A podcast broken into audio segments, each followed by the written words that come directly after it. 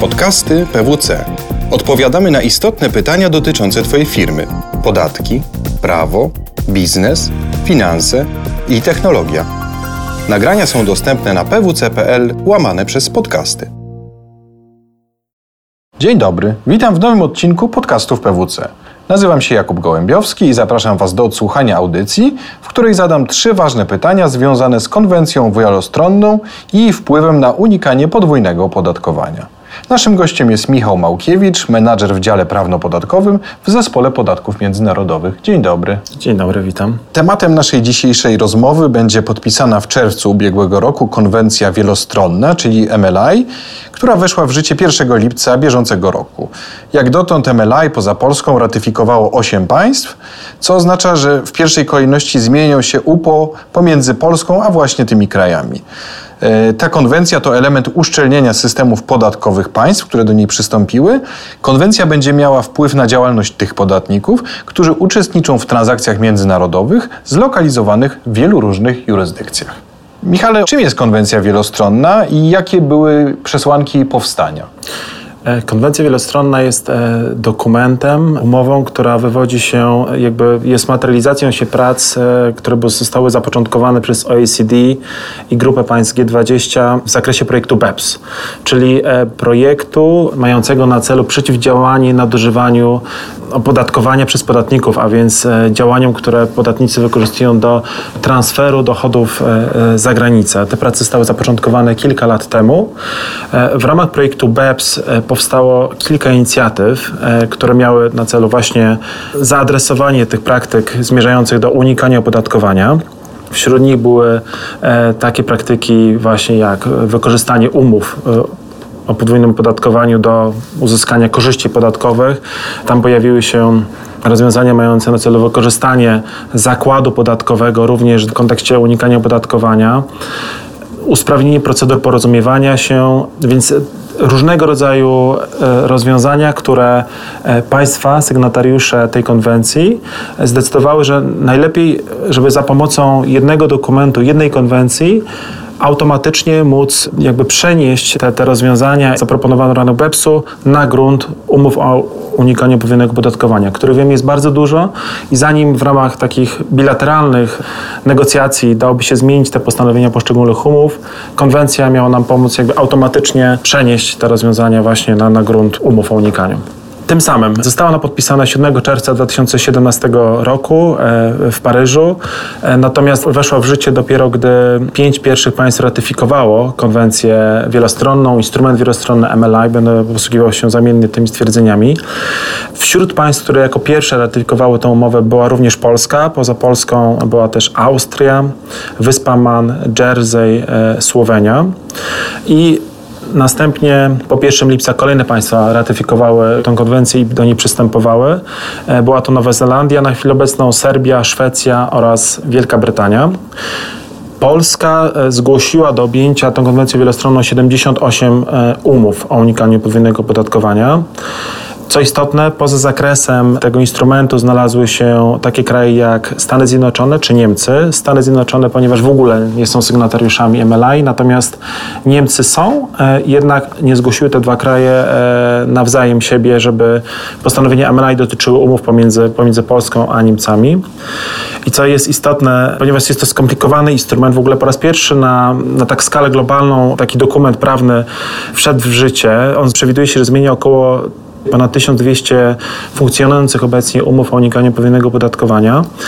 Może z podstawowych zasad tego, jak go odczytywać, jak go interpretować, ważne jest to, iż obydwa państwa po pierwsze muszą podpisać konwencję, po podpisaniu konwencji muszą ją ratyfikować i następnie muszą jeszcze zgłosić drugą stronę tej umowy, w odniesieniu do której będzie konwencja MLA miała zastosowanie. Więc e, te kilka warunków musi być spełnionych, żeby konwencja wielostronna miała zastosowanie.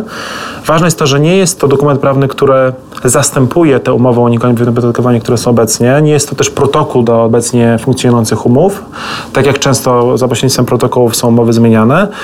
Jest to dokument, który e, funkcjonuje równolegle, tak jakby obok umów o podwójnym opodatkowaniu i trzeba będzie jakby obecnie je interpretując zaglądać również do, do konwencji MLI, żeby móc prawidłowo czytać jej postanowienia i to, jak one wpływają na te umowy, które są teraz już zawarte. Okay, to w takim razie rodzi się w mojej głowie pytanie, jakie są główne postanowienia umów o unikaniu podwójnego opodatkowania, które zostaną przez MLI zmienione? E, jest kilka obszarów, które ta konwencja wielostronna zmienia w, w traktatach, w UPO, tak, które Polska zawarła i też pozostałe kraje będące sygnatariuszami. I to, co jest ważne, e, MLI daje jakby dowolność w odniesieniu do poszczególnych artykułów, które z tych artykułów mogą zostać wdrożone, a z których e, państwa sygnatariusze mogą zrezygnować, więc nie będą ich stosowały, wdrażając tę konwencję. Konwencja wielostronna zakłada, że co najmniej dwa obszary będą obowiązkowo wdrożone przez państwa jako taki minimalny standard. Pierwszym z tych obszarów to są postanowienia, które mają na celu przeciwdziałanie nadużywaniu korzyści umownych wynikających z UPO, czyli to są na przykład te postanowienia dotyczące jakby podstawowego testu, czyli Principal Purpose Test oraz e, postanowienia dotyczące mechanizmów e, usprawniających rozwiązywanie sporów podatkowych, czyli ten Mutual Agreement Procedure. MLI zakłada, że te dwa rozwiązania będą obligatoryjnie przez państwa sygnatariusze MLI wdrażane. E, co do pozostałych jest dowolność pomiędzy stronami konwencji, żeby móc poszczególne z nich, że tak powiem, zastosować. I przechodząc po kolei te najważniejsze zmiany, e, które są przewidziane przez konwencję. Po pierwsze, konwencja wprowadza do umów tak zwaną klauzulę celu podstawowego, tak? czyli klauzulę, poprzez którą MLI powoduje, iż jeżeli podatnik będzie chciał wykorzystać e, umowę o unikaniu podwójnego opodatkowania przede wszystkim w celu uzyskania korzyści podatkowej, wówczas te korzyści umowne mogą być odebrane, odmówione takiemu podatnikowi. Więc to jest ten Principal Purpose Test, klauzula celu podstawowego, które już teraz e, funkcjonują w ramach obowiązujących wybranych umów, jednakże MLI spowoduje, iż ona stanie się bardziej powszechna i do poszczególnych umów zostanie jakby wdrożona. Praktycznie co to oznacza? I w sytuacjach, gdy podatnicy wykorzystują takie rozwiązania umów, iż doprowadzają do sytuacji, że nie są opodatkowani w żadnym z państw, a więc stosują tylko i wyłącznie zwolnienie, wówczas ta klauzula celu podstawowego powie, że podatniku tutaj nie możesz skorzystać z tej korzyści podatkowej wynikających z umowy, ponieważ to, co robisz, jest nacelowane głównie na unikanie opodatkowania, a nie ma żadnych przesłanek biznesowych. Więc to jest klauzula celu podstawowego. Drugą istotną zmianą, którą konwencja przewiduje, dotyczy metod unikania podwójnego opodatkowania. Jak wiemy, obecnie umowy przewidują, nie wchodząc w szczegóły, dwie, dwie podstawowe metody. Metodę kredytu podatkowego i metodę wyłączenia z opodatkowania. W odniesieniu do dochodów zakładu zagranicznego, który podatnik jednego kraju posiada w drugim kraju, w wielu przypadkach metodą, która e, zapobiega unikaniu opodatkowania jest metoda wyłączenia. Więc generalnie zapisy takiej umowy mówią, o ile dochód e, takiego zakładu może podlegać opodatkowaniu w drugim kraju, wówczas jest wyłączony z opodatkowania w kraju rezydencji e, podmiotu, który posiada zakład zagraniczny. W tej sytuacji MLI, oczywiście przy określonych warunkach, tak jak mówiłem, w sytuacji, gdy obydwa państwa się zgłoszą nawzajem do tej konwencji i też wybiorą odpowiednią opcję, może się okazać, że metoda, która była do tej pory e, stosowana do uniknięcia opodatkowania, czyli metoda wyłączenia, w przypadku tym, gdy dochody mogły podlegać opodatkowaniu, zostanie teraz zamieniona na metodę kredytu podatkowego, więc podatnik będzie musiał rozpoznać ten dochód zagraniczny i później ewentualnie odliczyć sobie podatek zapłacony za granicą, a nie stosować często korzystniejszą metodę wyłączenia, a więc w ogóle nie pokazywać tego dochodu, e, tego zakładu w Polsce. Więc to jest właśnie ten switch over clause, czyli zastąpienie metody wyłączenia metodą kredytu.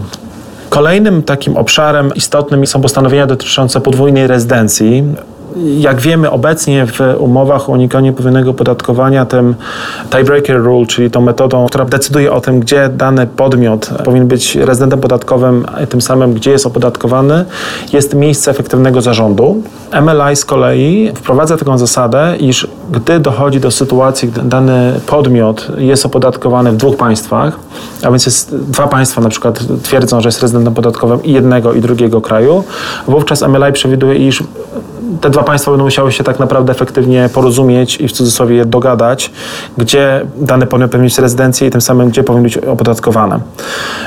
Kolejnym istotnym obszarem, e, który nie został e, wybrany przez Polskę, to są zagadnienia związane z zakładem podatkowym, więc MLI przewiduje szereg e, rozwiązań mających na celu zapobieganie sytuacjom, gdy podatnicy wykorzystują zakład podatkowy, aby znowu przenieść opodatkowanie, unikać go, zwolnić dochód z tytułu opodatkowania, wykorzystując koncepcję zakładu podatkowego.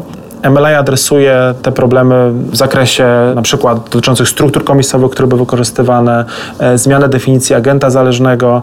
Jednakże w odniesieniu do Polski te rozwiązania związane z zakładem podatkowym zostały wyłączone z obowiązywania MLI, więc patrząc na traktaty, interpretując je, te zmiany dotyczących PI, czyli, czyli zakładów podatkowych nie będą miały zastosowania. Kolejnym, ostatnim takim obszarem, o którym chciałem wspomnieć, to są usprawnienie sposobów rozpoznawania sporów, czyli te postanowienia związane z MAP-em, Mutual Agreement Procedure. To jest, tak jak wspominałem, ten minimum standard, czyli MLI przewiduje, że te postanowienia o MAP będą e, stosowane przez państwa sygnatariuszy konwencji wielostronnej. Sprowadza się to do tego, iż Konwencja zobowiązuje państwa sygnatariuszy, aby wdrożyły do swoich poszczególnych umów o unikaniu podwójnego podatkowania właśnie tych procedur związanych z rozwiązywaniem sporów. A więc dochodzi do sytuacji podwójnego podatkowania, dwie jurysdykcje roszczą sobie prawo, iż dochód danego podatnika jest opodatkowany przykład w Polsce i, i, w Niemczech, bądź też w innym kraju, w którym istniejący traktat nie zawiera tych postanowień mapowskich, wówczas one powinny się tam znaleźć, które tak naprawdę nakładają na jurysdykcje podatkowe obowiązek prowadzenia rozmów, porozumiewania się w celu zdecydowania, gdzie dochód powinien być opodatkowany.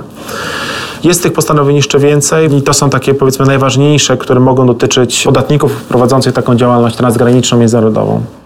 Okej, okay. a jeżeli moglibyśmy tak w formie podsumowania postawić pytanie, jaki wpływ będzie miała ta konwencja wielostronna MLI na podatników prowadzących działalność międzynarodową, to czy mógłbyś tak po prostu w skrócie przedstawić to, mając na uwadze te modyfikacje, o których wspominałeś przed chwilą?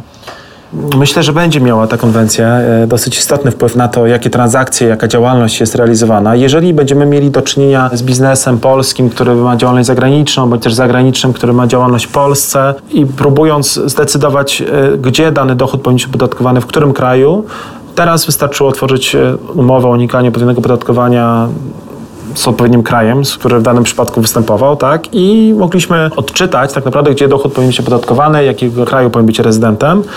Teraz musimy nałożyć dodatkowy filtr, tak? W postaci tej konwencji wielostronnej, której postanowienia stanowią dodatkowy element danego traktatu.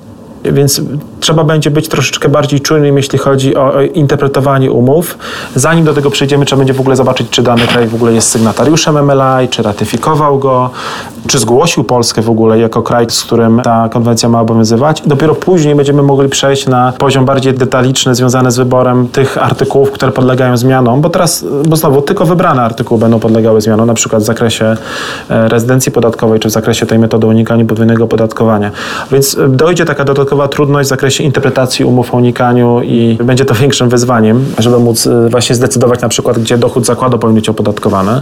Wydaje mi się, że istotne jest to, iż ta konwencja wielostronna wprowadza ten test, jakby klauzulę podstawowego celu, czyli ten principal purpose test do traktatów. Tak jak mówiłem, one już w części obowiązują. Obowiązuje też na gruncie krajowych przepisów ogólna klauzula unikania opodatkowania. Jednakże dodatkowo MLI wnosi do poszczególnych umów tą klauzulę. Co to oznacza w praktyce?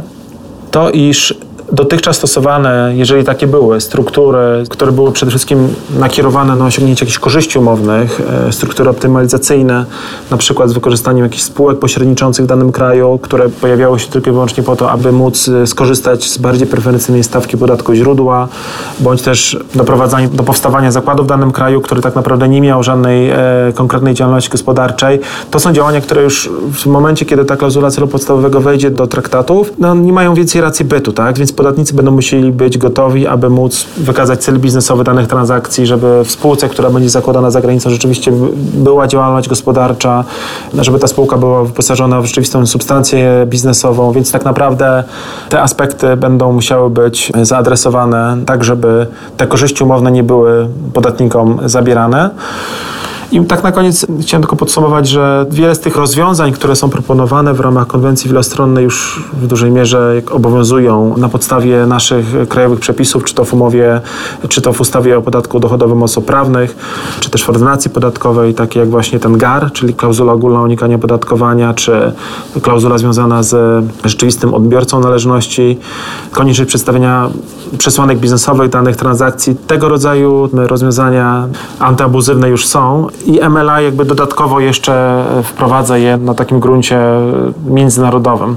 Więc e, myślę, że zbliżają się jakby ciekawe czasy dla spółek, dla podatników mających transakcje zagraniczne czy też działalność zagraniczna, ponieważ pojawi się taka dodatkowa trudność związana z prawidłową interpretacją tej konwencji i jej zastosowaniem w praktyce. W takim razie możemy powiedzieć naszym odbiorcom, że PWC będzie się przyglądać ewolucji tego ładu podatkowego.